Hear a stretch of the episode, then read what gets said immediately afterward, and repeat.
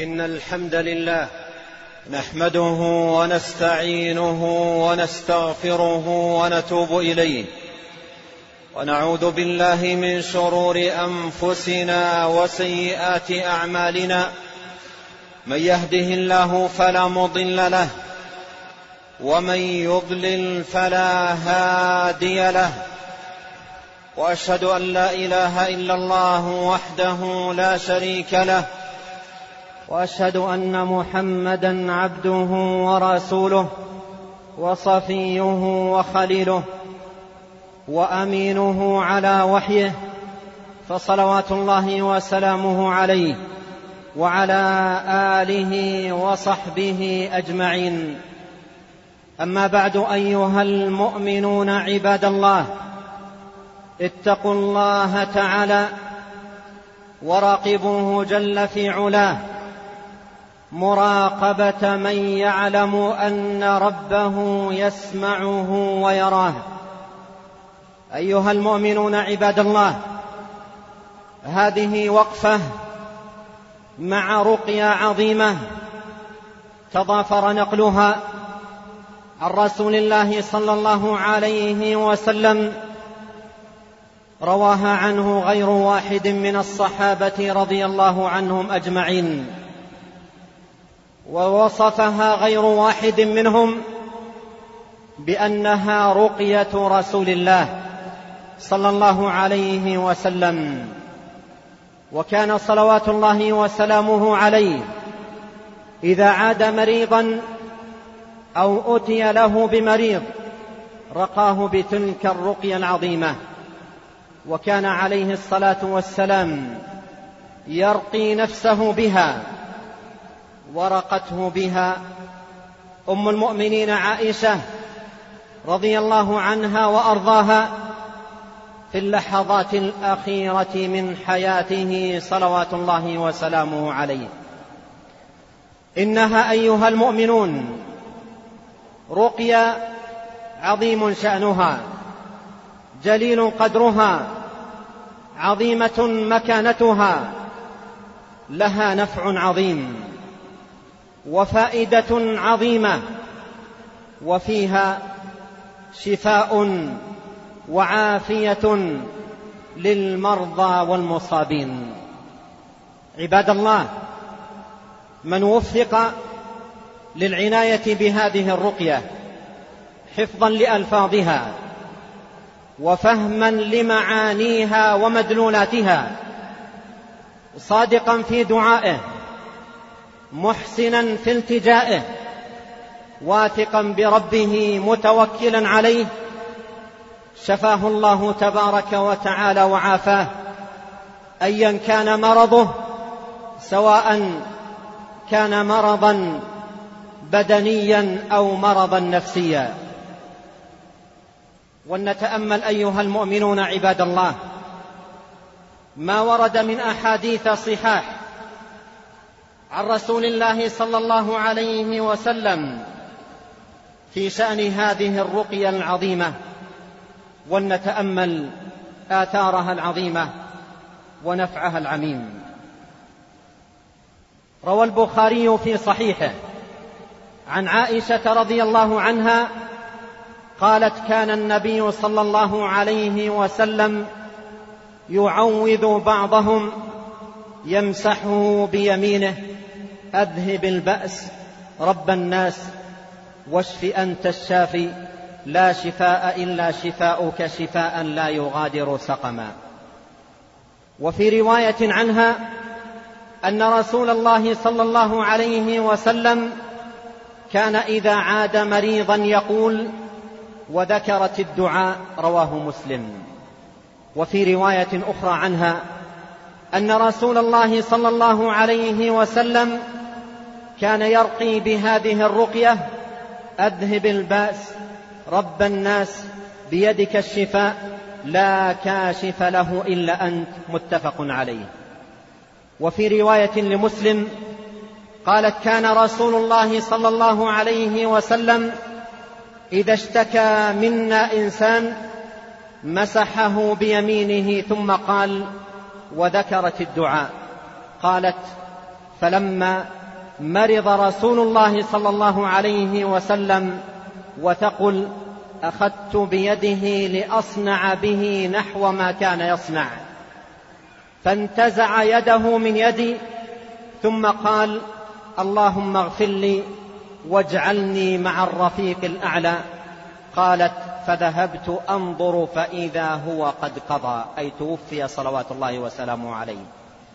ورواه ابن ماجه ولفظه قالت كان النبي صلى الله عليه وسلم يتعوذ بهؤلاء الكلمات أذهب الباس رب الناس واشف أنت الشافي لا شفاء إلا شفاؤك شفاء لا يغادر سقما.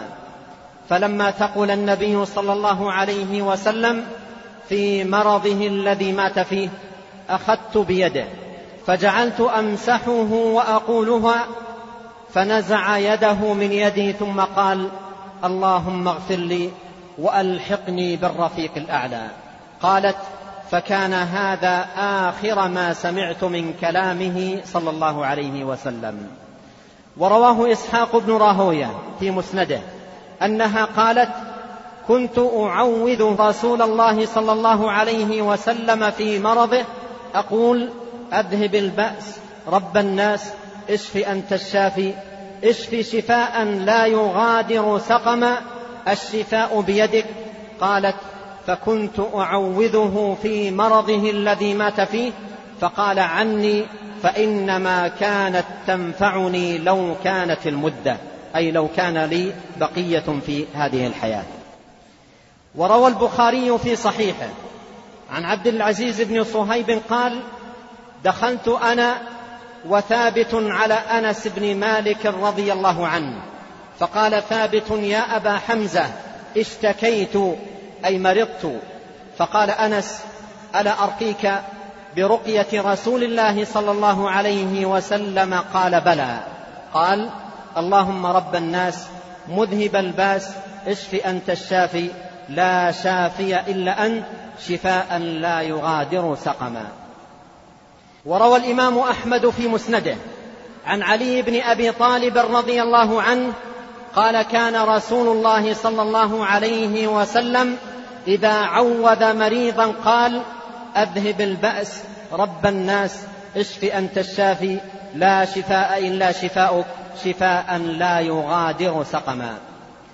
وروى البزار في مسنده عن عمار بن ياسر رضي الله عنه أن رسول الله صلى الله عليه وسلم دخل عليه فقال أذهب البأس رب الناس واشف أنت الشافي لا شفاء إلا شفاؤك شفاء لا يغادر سقما. وروى الطبراني في كتابه الدعاء عن عبد الله بن مسعود رضي الله عنه أن النبي صلى الله عليه وسلم كان إذا عاد مريضا قال أذهب البأس رب الناس واشف أنت الشافي. لا شفاء إلا شفاؤك شفاء لا يغادر سقما. وروى الإمام أحمد في مسنده قال محمد ابن حاطب انصبت على يدي من قدر أي انصب على يده طعام حار فذهبت بي أمي إلى رسول الله صلى الله عليه وسلم وهو في مكان فقال كلاما فيه أذهب البأس رب الناس وأحسبه. قال إشف أنت الشافي. قال وكان يتفل أي على يده. ورواه الإمام أحمد في مسنده. عن محمد بن حاطب عن أمه أم جميل بنت المجلل رضي الله عنها قالت أقبلت بك من أرض الحبشة حتى إذا كنت من المدينة على ليلة أو ليلتين طبخت لك طبيخا. ففني الحطب فخرجت أطلبه فتناولت القدر وكان صغيرا فتناولت القدر فانكفأت على ذراعك فأتيت بك النبي صلى الله عليه وسلم فقلت بأبي وأمي يا رسول الله هذا محمد بن حاطب فتفل في فيك ومسح على رأسك ودعا لك وجعل يتفل على يدك ويقول أذهب البأس رب الناس واشف أنت الشافي لا شفاء إلا شفاؤك. شفاء لا يغادر سقما. فقالت فما قمت بك من عنده حتى برئت يدك. قال الشوكاني رحمه الله.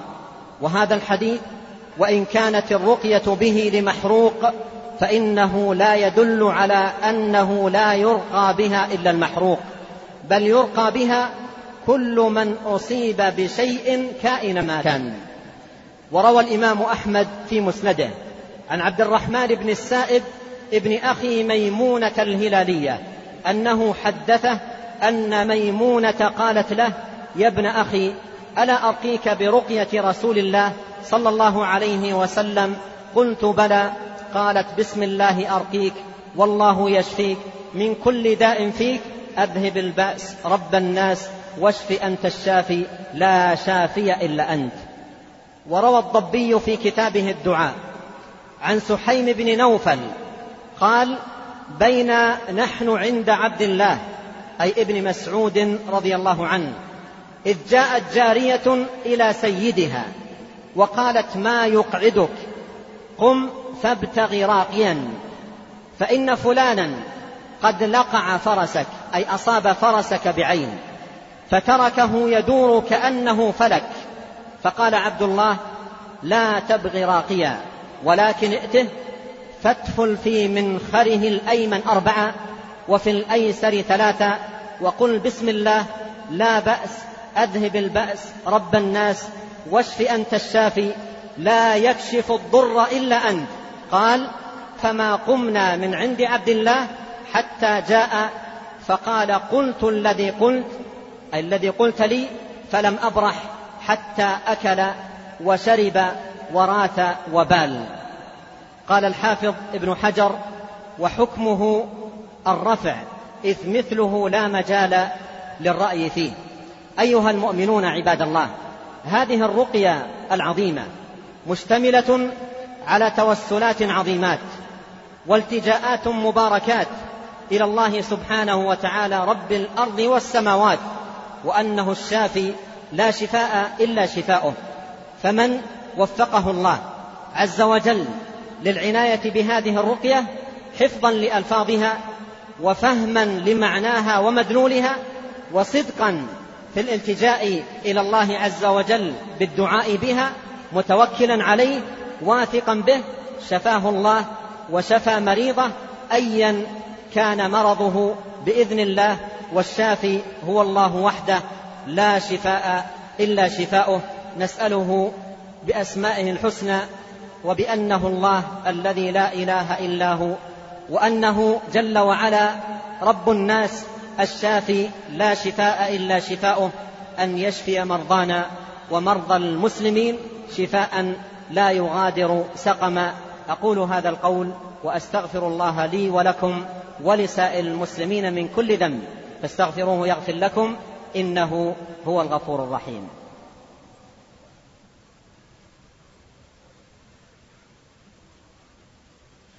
الحمد لله حمدا كثيرا طيبا مباركا فيه. وأشهد أن لا إله إلا الله وحده لا شريك له. وأشهد أن محمدا عبده ورسوله صلى الله وسلم عليه. وعلى آله وصحبه أجمعين. أما بعد أيها المؤمنون عباد الله اتقوا الله تعالى وراقبوه سبحانه مراقبة من يعلم أن ربه يسمعه ويراه. أيها المؤمنون عباد الله عندما يشتد المرض بإنسان ما فإن كثيرا من الناس في مثل هذا المقام يفكر في البحث عمن يرقيه والبحث عمن يقرأ عليه مع أن دعاء المريض لنفسه ورقيته لنفسه نفعها عظيم وفائدتها جليلة لأن دعاءه لنفسه دعاء مضطر.